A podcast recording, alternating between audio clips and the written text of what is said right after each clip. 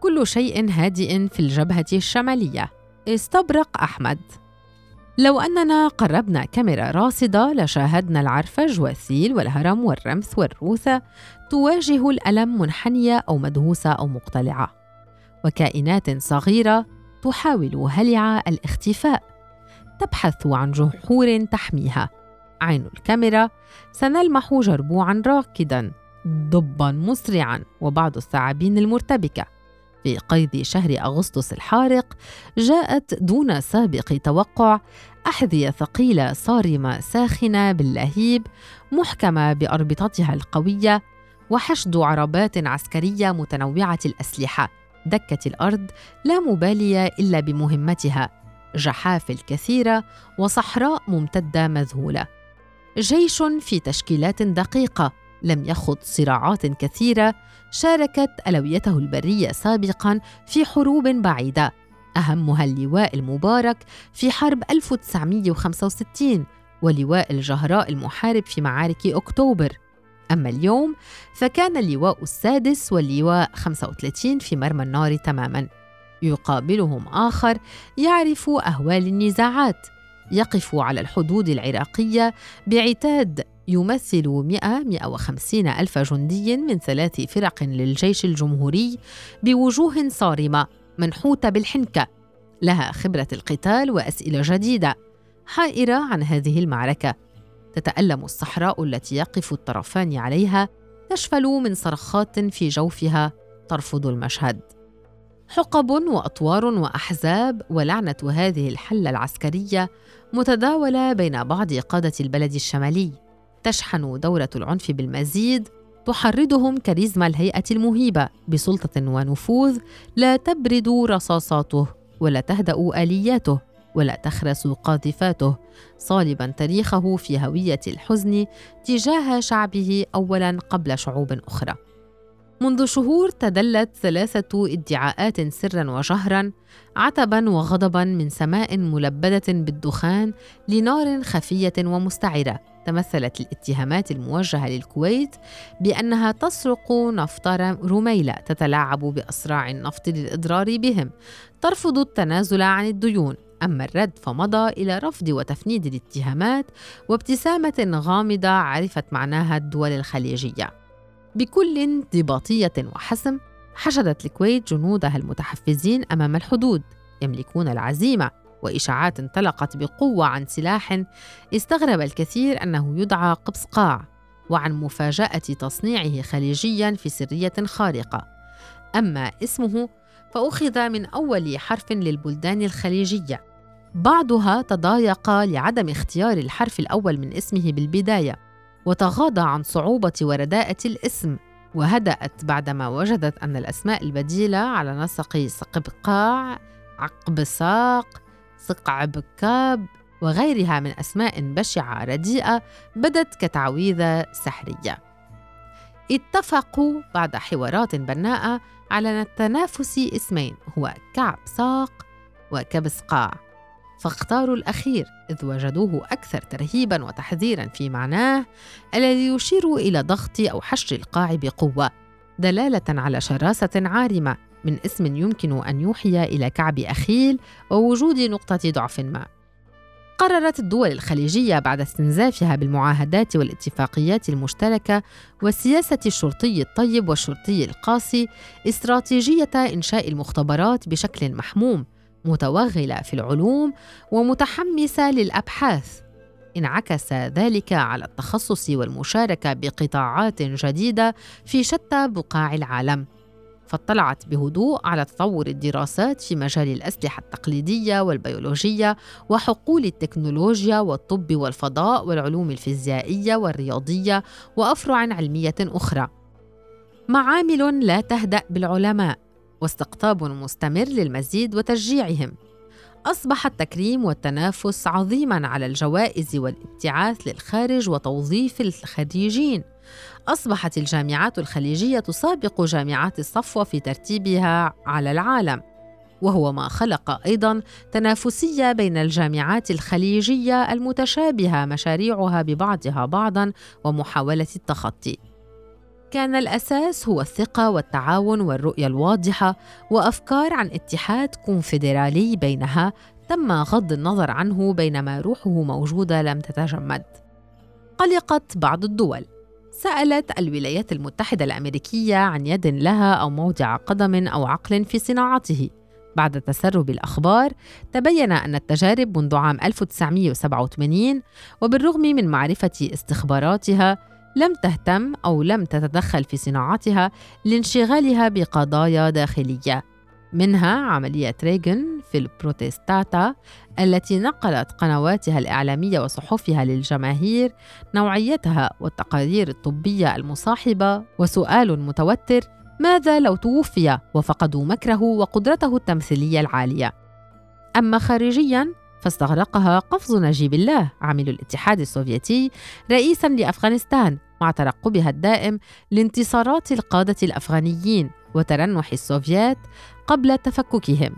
أخيراً ما بعث على اطمئنانها أن دول الخليج مسالمة وهادئة بلا حروب ولم تعلن عن بيعه أو الدخول لمنافسات في السوق السوداء أرادت حماية فقط واستمرت في تطويرها أخبرت أمريكا حلفائها والأصدقاء بعلمها بأنه سلاح يبرمج اسم الهدف فيترصده طوال عمره حتى يصيبه.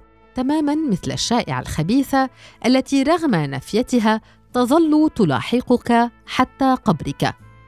وقد ظل السلاح غير معروف بتفاصيل جديدة حتى تم الضغط على الدول الخليجية للإفصاح عنه وكم قاومت ذلك. آخر المحاولات 31 يونيو. ترأس الوفد الكويتي الشيخ سعد العبد الله والوفد العراقي عزة الدوري. بدت العمرة أهم من الاجتماع خاصة أن بعض القادة العراقيين لم يؤدوها من قبل. كانت فرصة عظيمة لهم فبعد فشل الاجتماع اتجهوا مسرعين إلى الكعبة الشريفة مساءً. ارتفعت أيادي الرفاق بالدعاء للسيد الرئيس صدام بموفور الصحة والعمر الطويل وبقائمة طلبات تبدأ بالمكتسبات المالية سمع أحد المرافقين السعوديين من حرس الحماية أحدهم يتوسل للحصول على مشروع شاليهات فيلكا لاستثمارها أو المطاعم المشهورة في الكويت ومنها مطعم الأبراج المطلة على قصر الشيخ جابر الأحمد القليل تضرع لأشياء أخرى. أما آخر الرغبات لبعضهم فهو الحصول على القليل من الرشاقة لكروشهم الكبيرة. أخبر عزة الدوري رئيسه صدام حسين عن حقيقة وجود كبسقاع وميزة أخرى عرفها من الوفد الكويتي أن هذا السلاح من فرط سرعته لا تلتقطه العين المجردة ولا الأقمار الصناعية. كان ذلك موطن الصدمة التامة. سلاح من الخفة والحجم المنكمش ليس أكبر من صرصار. حتى أسماه وزير الثقافة ربما كان غازي القصيبي في المملكة السعودية في الحكومات اللاحقة هامسا بأنه رعب كافكوي. أما علاقة الجملة بالسلاح وكتاب مورس عليه من المترجمين عناوين عديدة فأطلقوا عليه مسمى المسخ الانمساخ التحول أو الصرصار فيعود لغموض وعدم اتفاق أحد على العنوان وطبيعة الحشرة التي أصبحها غريغوري سامسا وإن أجمعوا على بشاعتها الشكلية. وقد كان السلاح يفجر ويفتت أعتى المخابئ وأضخم الأجساد إلى قطع صغيرة جدا بحجم حشرة منجزا تحولها بذات القياسات المتناهية الصغر. دعست النباتات مجددا وفرت كائنات الصحراء لأماكن أخرى أبعد. تحركات الجنود سريعة ومحمومة وقابلة للسيطرة على الوضع. قلق الليل لامس الجنود.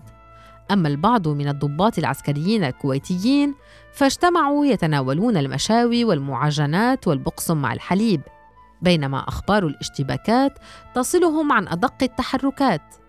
لم يكن لديهم في غرفة القيادة تخوفات فقد نبتت رهانات حول عدم الآليات التي ستدمر. انقسموا بين إفناء الجيش الصدامي كاملا في مقبرة العبدلي أو التوقف عن استخدام قبس قاع بطلب من الساسة بعد أن يتم تدمير فرقة كاملة من الجيش الجمهوري. بدأت الليلة بمناوشات بسيطة عند المعابر الحدودية. لم يرفعوا جهوزيتهم أبدا وقروا عينا. هكذا لم تستعن الكويت بأي قوات للتحالف ولا حتى الخليجية ولا ميليشيات إسلامية أفغانية مقترحة. فقط هيأت الستة عشر ألف جندي يصطفون بانتظار المزيد من الأوامر. كانت قلة قليلة من الجنود متحمسة للحرب.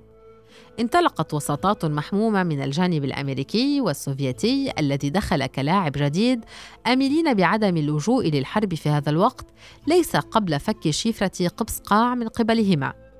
2 أغسطس 1990 لا أحد يعرف إلا القيادية العراقية أن طارق عزيز اتصل في الساعة الثانية فجرا بالجانب الكويتي ممثلا بوزير الخارجية الشيخ صباح الأحمد مطالبا أن تشاهد القيادات قاصدا صدام تأثير قبسقاع وذلك بناء على نصيحة أمريكية.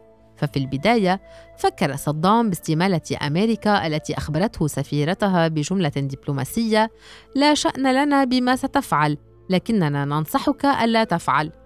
دون الإشارة لماهية الفعل وذلك بحسب اللغة الدبلوماسية. ثم استجاب للمشورة بعد حديث غاضب فاضت به مخاوف بعض القيادات في دائرته الضيقة جدا. يقال إن الاسم الذي تم برمجته للسلاح هو خير الله تلفاح إذ أمره صدام بالذهاب للجبهة بسرية تامة ليطمئن على الاستعدادات العظيمة وقد كانت كذلك. فانطلق قبسقاع وانفجر. وتفتت تلفاح والمروحية وكيلومتر كامل تلاشى كأنه لم يوجد قط. هرعت رنات هاتف الطوارئ الأمريكي. أتت لكنة بوش الأب الحاسمة تؤكد نصحها بوقف أي تحركات عسكرية. وجاء ذات الاتصال الحازم للجانب الكويتي بضبط النفس. بقي الجيشان يحدقان ببعضهما البعض ليوم كامل. ذبولت الرهانات حين أكدت القيادة السياسية في النهاية للجيش انحسار فكرة الغزو الصدامية بنسبة 99.9%. أما ما حدث بعد ذلك من ثورة جنوبية وهروب صدام واختبائه في الملجأ عام 2003 فله حكاية أخرى لا علاقة لها كما يقال أحيانا بكبس قاع مطلقا والذي اختفى تماما من 1990 إلى 1993 تم عمل مونتاج للكثير من الأفلام المصورة لخير الله تلفاح لتبيان وجوده حياً. تم تمهيد الوضع بروايات عن انقلاب في آرائه والادعاء بوفاته عبر حادثة مفبركة.